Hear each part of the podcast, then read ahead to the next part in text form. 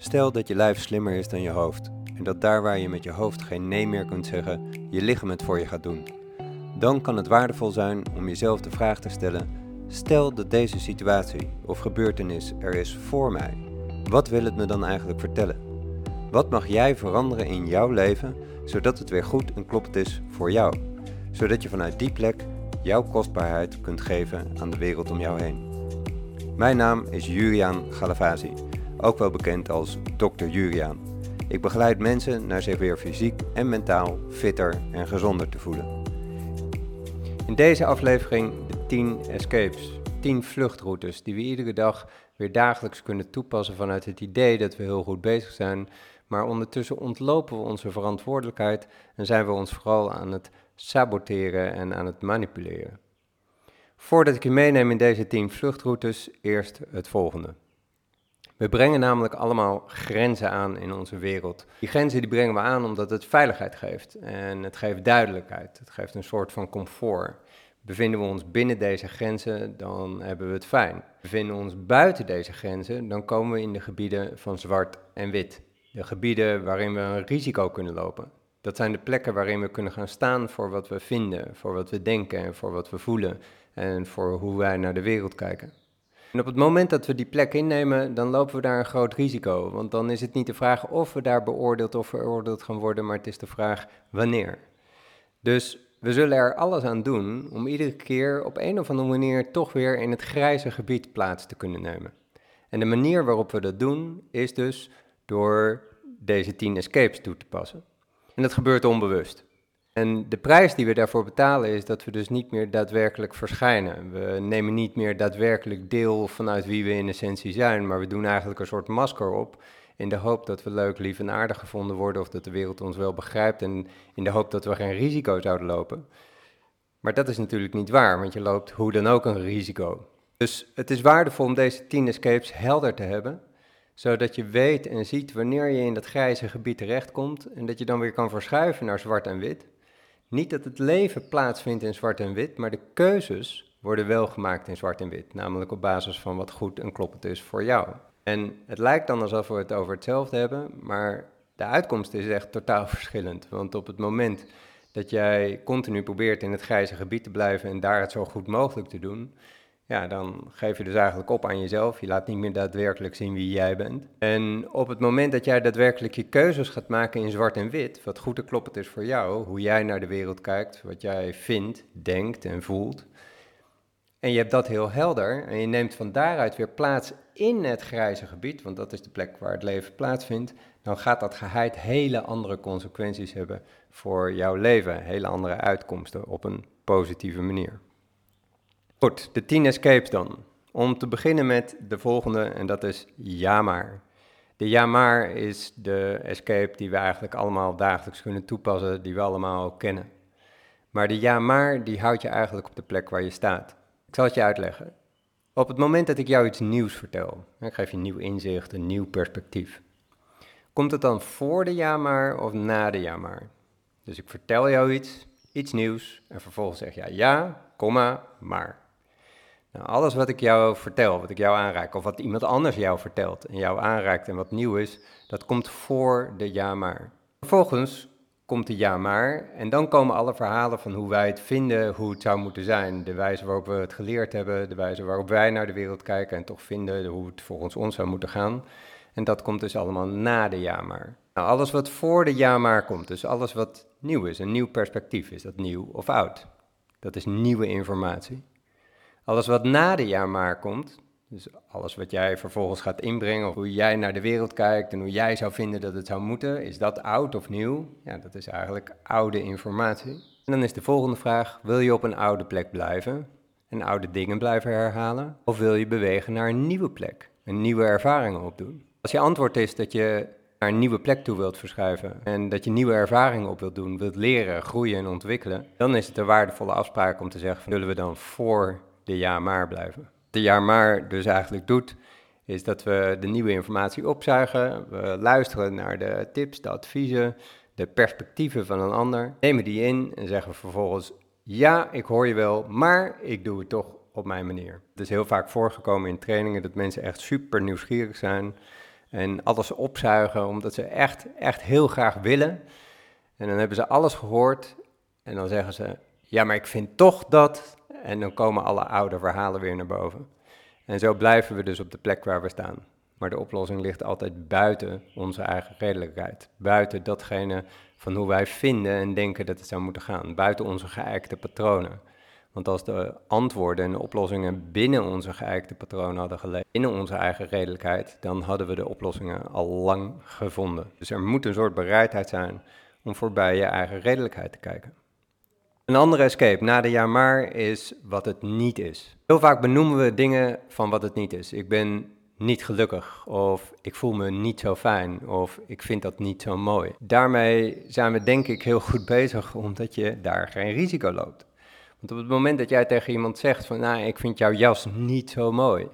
Ja, wat is het dan wel? Is het dan, uh, vind je hem super lelijk of vind je hem juist super gaaf? Op het moment dat jij zegt, ja, ik vind jouw jas niet zo mooi, en die persoon die begint je opeens vragend en een beetje teleurgesteld aan te kijken, dan kan jij altijd nog zeggen van, ja, maar ik vind hem wel aardig. En als we kijken naar bijvoorbeeld relaties, op het moment dat jij zegt van, je bent eigenlijk niet zo gelukkig in mijn relatie, ja, ben je niet gelukkig of ben je super gelukkig? Of ben je misschien eenzaam? En wat komt dan harder binnen? Op het moment dat je zegt, ik voel me niet zo gelukkig in mijn relatie, of op het moment dat je zegt, ik voel me eenzaam in mijn relatie?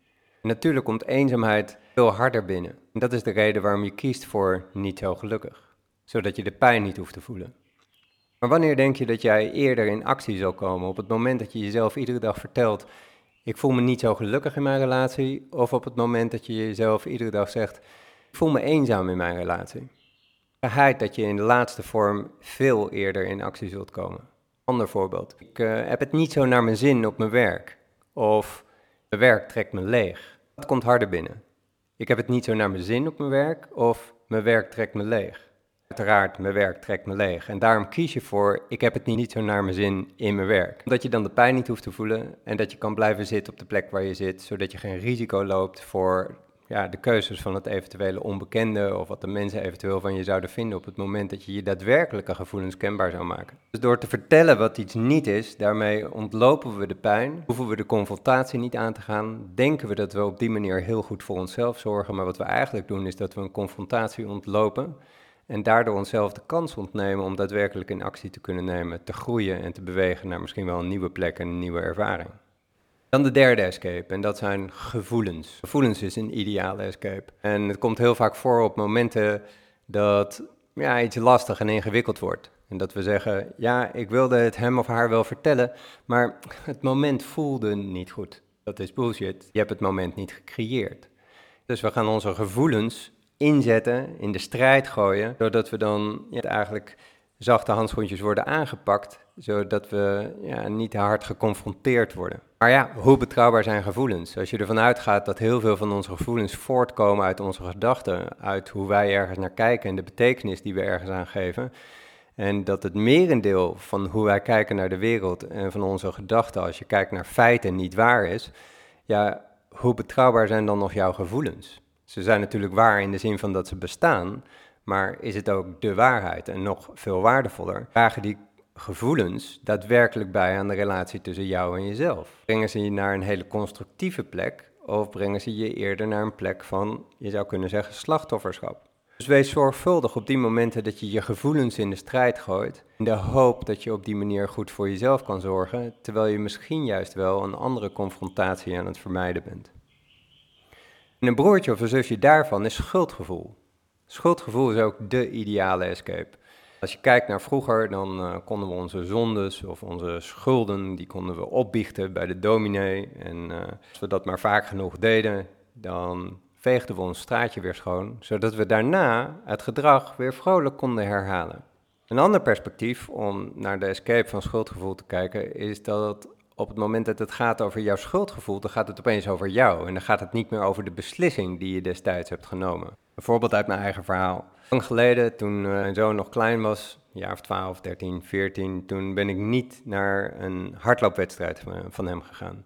Waarom niet? Om, ja, er waren andere dingen die ik op dat moment belangrijker vond. Later gaf hij aan dat het heel erg verdrietig voor hem heeft gevoeld. En de valkuil waar ik toen in kon stappen is dat ik in gesprek met hem kon zeggen van ja, maar daar voel ik me wel heel erg schuldig over.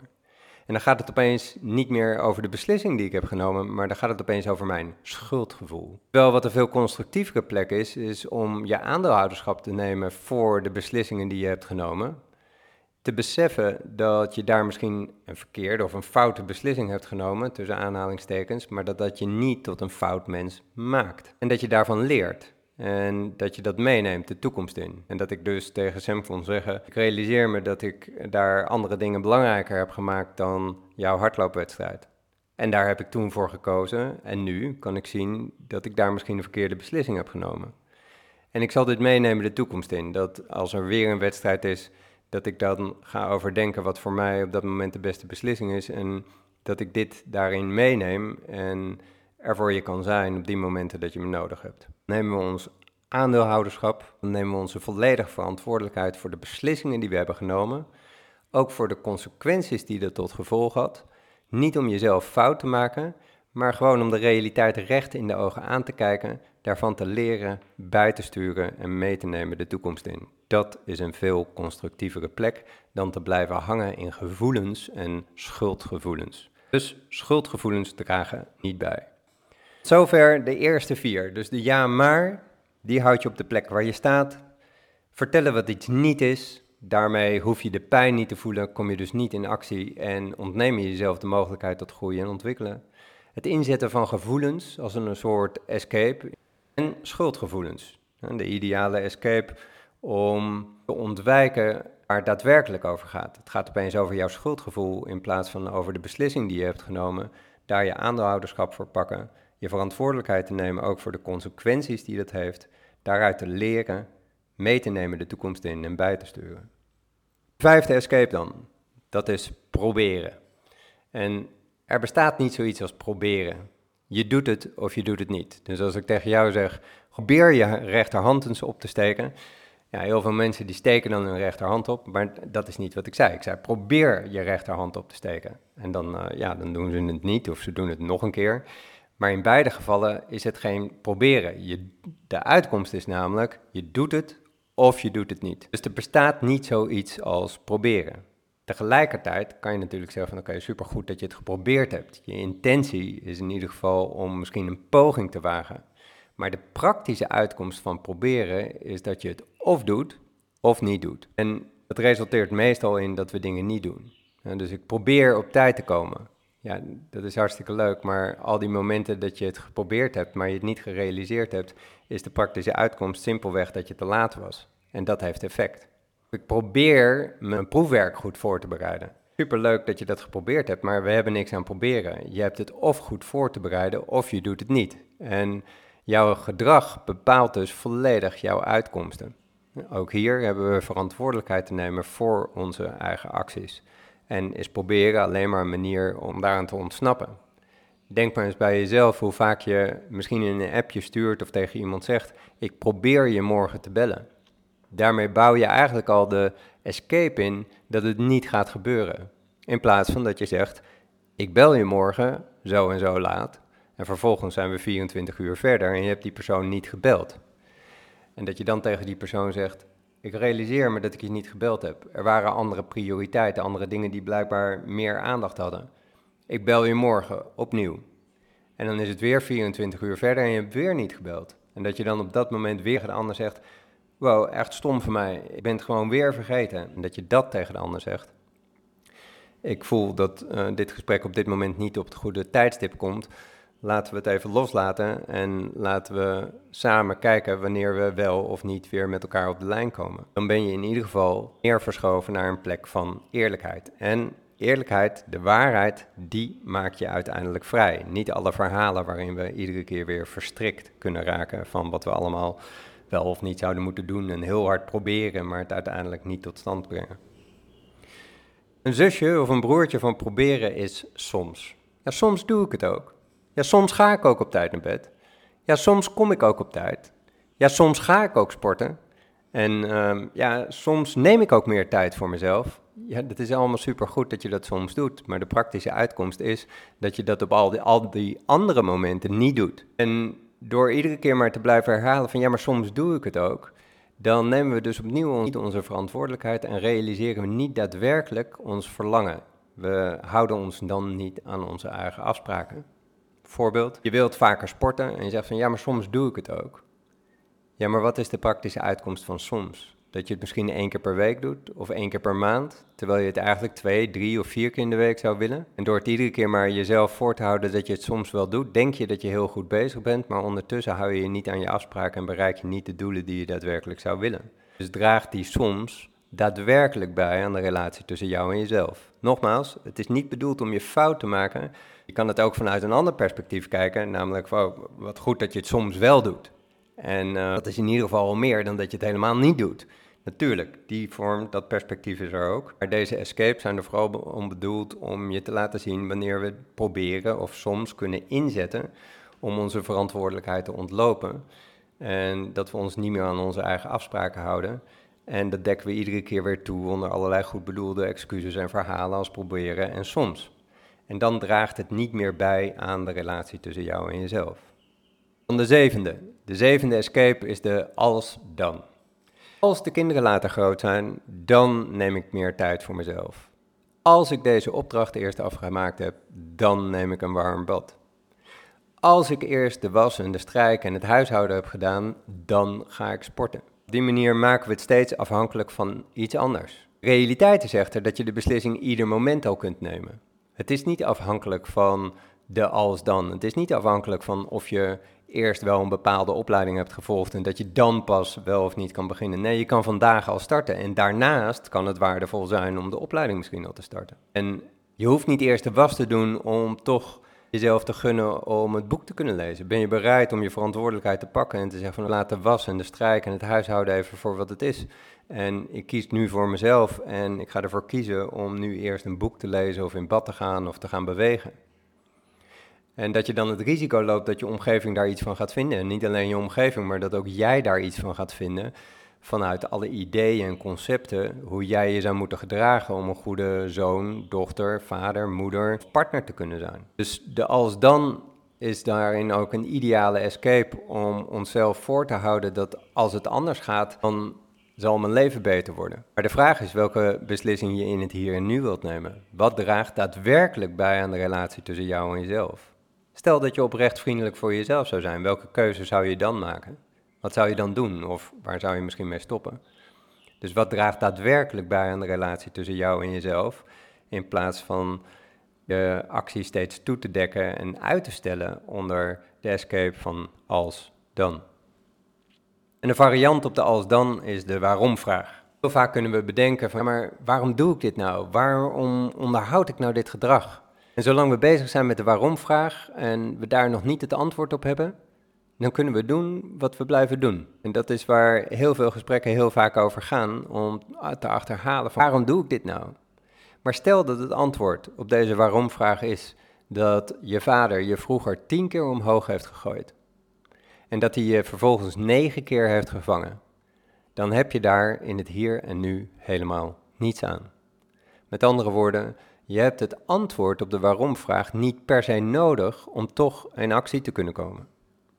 Betekent dat dan dat de waarom-vraag niet waardevol zou kunnen zijn om te stellen? Ja, natuurlijk. Natuurlijk is die waarom-vraag super waardevol, want het kan heel veel inzichten geven.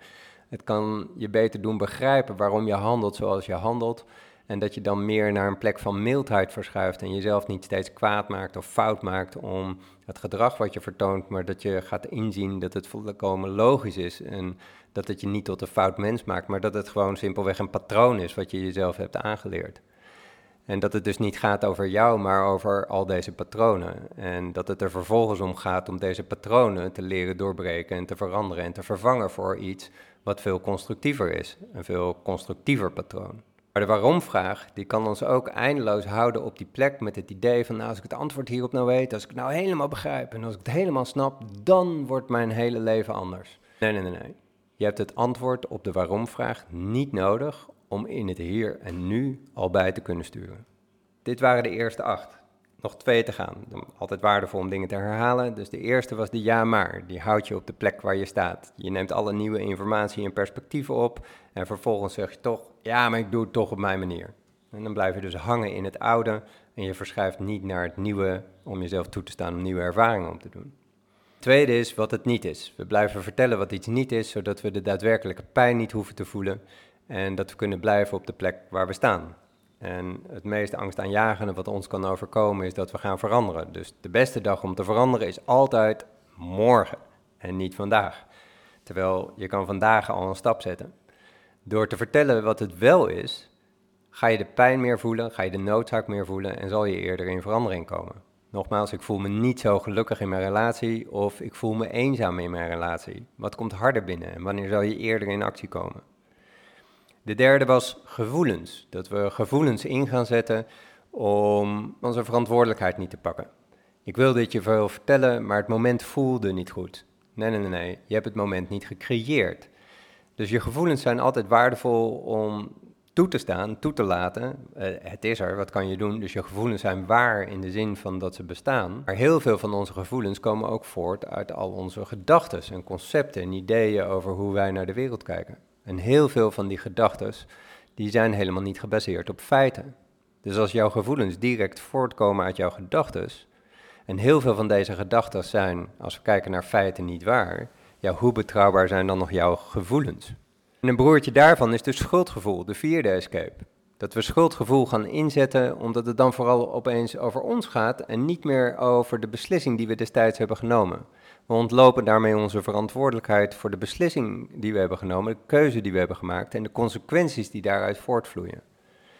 Veel constructiever is het om je aandeelhouderschap te pakken voor die beslissing, je te realiseren dat je mens bent en dat je dus af en toe fouten maakt en verkeerde afslagen neemt, dat je je verantwoordelijkheid neemt voor die foute beslissing en dat je daarvan leert. En datgene wat je geleerd hebt, dat je dat meeneemt de toekomst in, bijstuurt en op die manier je leven constructief naar een betere plek toe brengt. Vijfde escape was proberen. En proberen is super waardevol, maar de praktische uitkomst van proberen is dat het wel of niet gebeurd is. En meestal gebeurt het dan niet. Het broertje daarvan is soms. Dat we er soms in kunnen zetten met het idee dat we heel goed bezig zijn. Ja, soms beweeg ik ook. Soms kom ik ook op tijd. Soms ga ik wel op tijd naar bed. Ja, maar al die andere keren doe je het niet. En natuurlijk, het perspectief van soms en proberen is ook, je kan het maar beter proberen en je kan het maar beter af en toe wel doen en af en toe niet doen, of soms wel doen en soms niet doen. Altijd nog beter dan dat je het helemaal niet doet of helemaal geen poging onderneemt. Maar soms en proberen kunnen ook een escape worden. Dat we al die keren dat we het niet doen, gaan toedekken onder allerlei goed bedoelde verhalen en excuses en zeggen van ja, maar soms probeer ik het ook en uh, soms doe ik het ook. Praktische uitkomst is dat je het op al die andere momenten niet doet. Dus waar ontloop je jouw verantwoordelijkheid? Waardevol om dat tegen het licht te houden. Dan de zevende, als dan. Als de kinderen later groot zijn, dan neem ik meer tijd voor mezelf. Als ik deze opdracht of e-mail eerst heb gedaan of verstuurd, dan neem ik wat tijd voor mezelf, ga ik een boek lezen of ga ik even bewegen. Nee, nee, je kan de beslissing nu al nemen.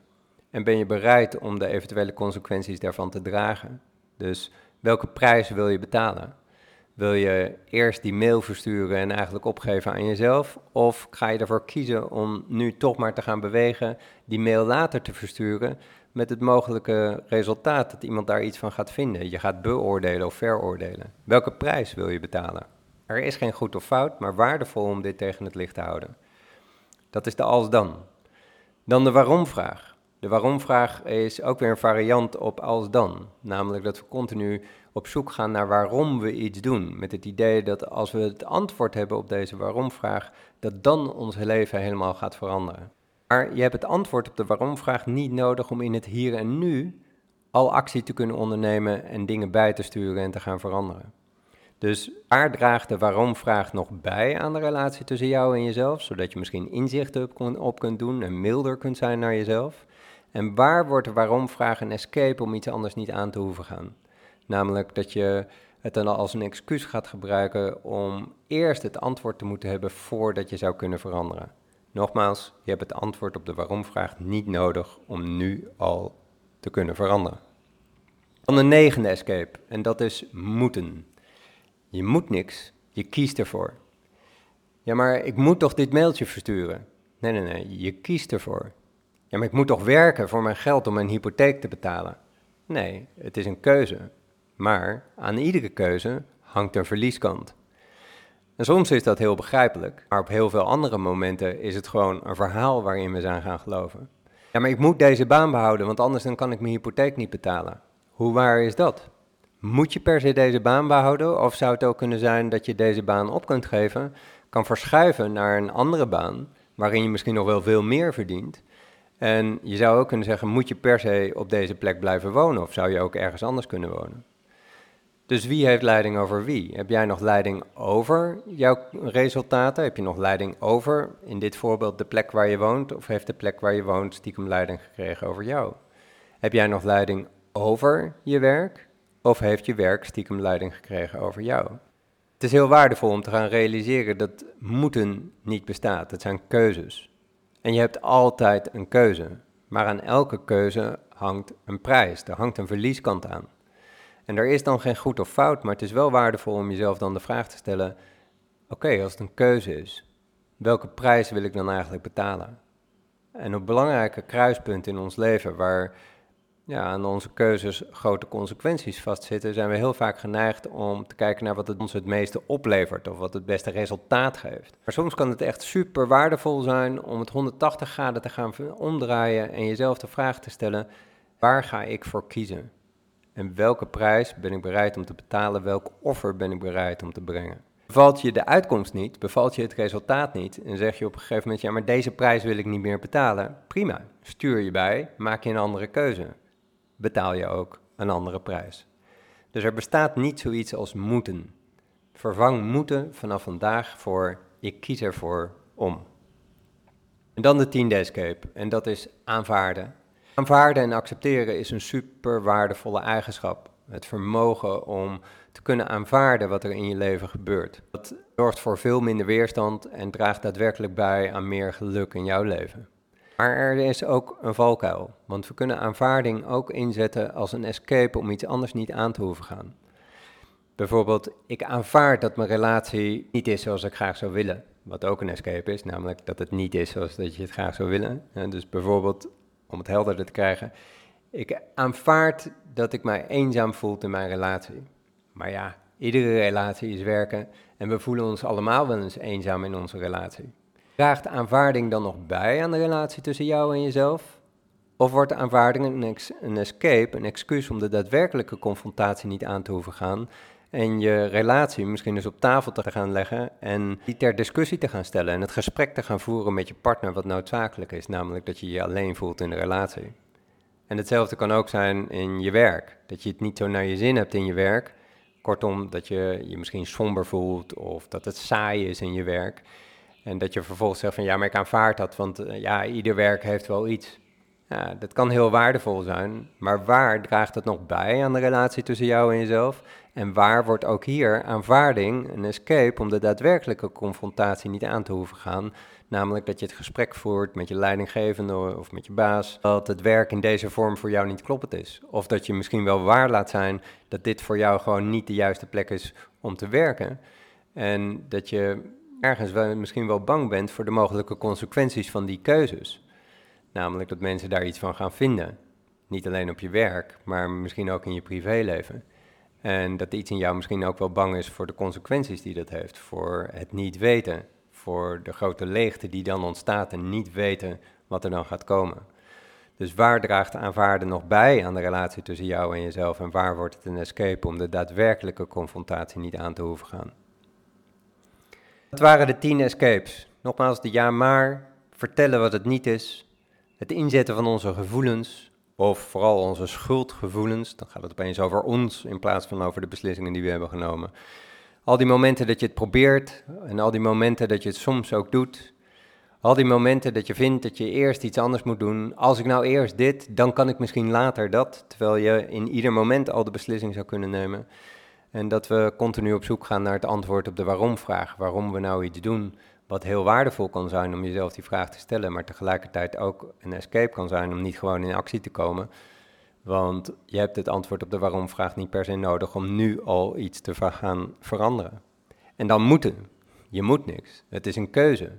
Maar aan iedere keuze hangt een prijs. Dus welke prijs ben je bereid om te betalen? En dan aanvaarden. Aanvaarden, een super waardevolle eigenschap om je leven naar een betere plek toe te brengen. Maar soms draagt aanvaarden niet meer bij aan de relatie tussen jou en jezelf. Dan wordt het een escape om de daadwerkelijke confrontatie die gevraagd wordt niet aan te hoeven gaan. Het is waardevol om deze tien escapes in beeld te hebben. Het heeft mijn leven echt structureel naar een andere plek toe gebracht, omdat ik ze ben gaan herkennen bij mijzelf. En ieder moment dat ik ze voor mezelf inzet en ieder moment dat ik ze gebruik, gaan er tegenwoordig echt grote alarmbellen af. En ben ik in staat om bij te sturen. Dat op die momenten dat ik een onwoord gebruik, ongelukkig, ontevreden, of een niet-woord, ik voel me niet fijn, ik vind het niet leuk, dat ik dan ga vertellen van wat is het eigenlijk wel? En door al die momenten helder voor ogen te hebben, ben ik in staat om bij te sturen, mijn verantwoordelijkheid weer te pakken, te verschuiven naar de waarheid in dit moment. En de waarheid maakt je vrij. En op het moment dat jij je aandeelhouderschap eh, pakt, sta jij aan het stuur.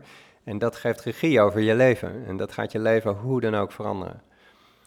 Maar voor mezelf ben ik ze ook gaan herkennen bij anderen. Dat als ik ze, deze escapes hoor bij iemand anders, dat er bij mezelf al allerlei belletjes gaan rinkelen en dat ik besef van de ander ontloopt hier iets. De ander wil hier iets niet vertellen omdat het waarschijnlijk te lastig en te spannend is. En dat ik die persoon dan misschien een vraag kan stellen of in ieder geval mezelf daarvan bewust ben dat die ander ergens aan het ontsnappen is. Niet bewust, heel vaak onbewust. Maar het is waardevol om dat te gaan leren zien.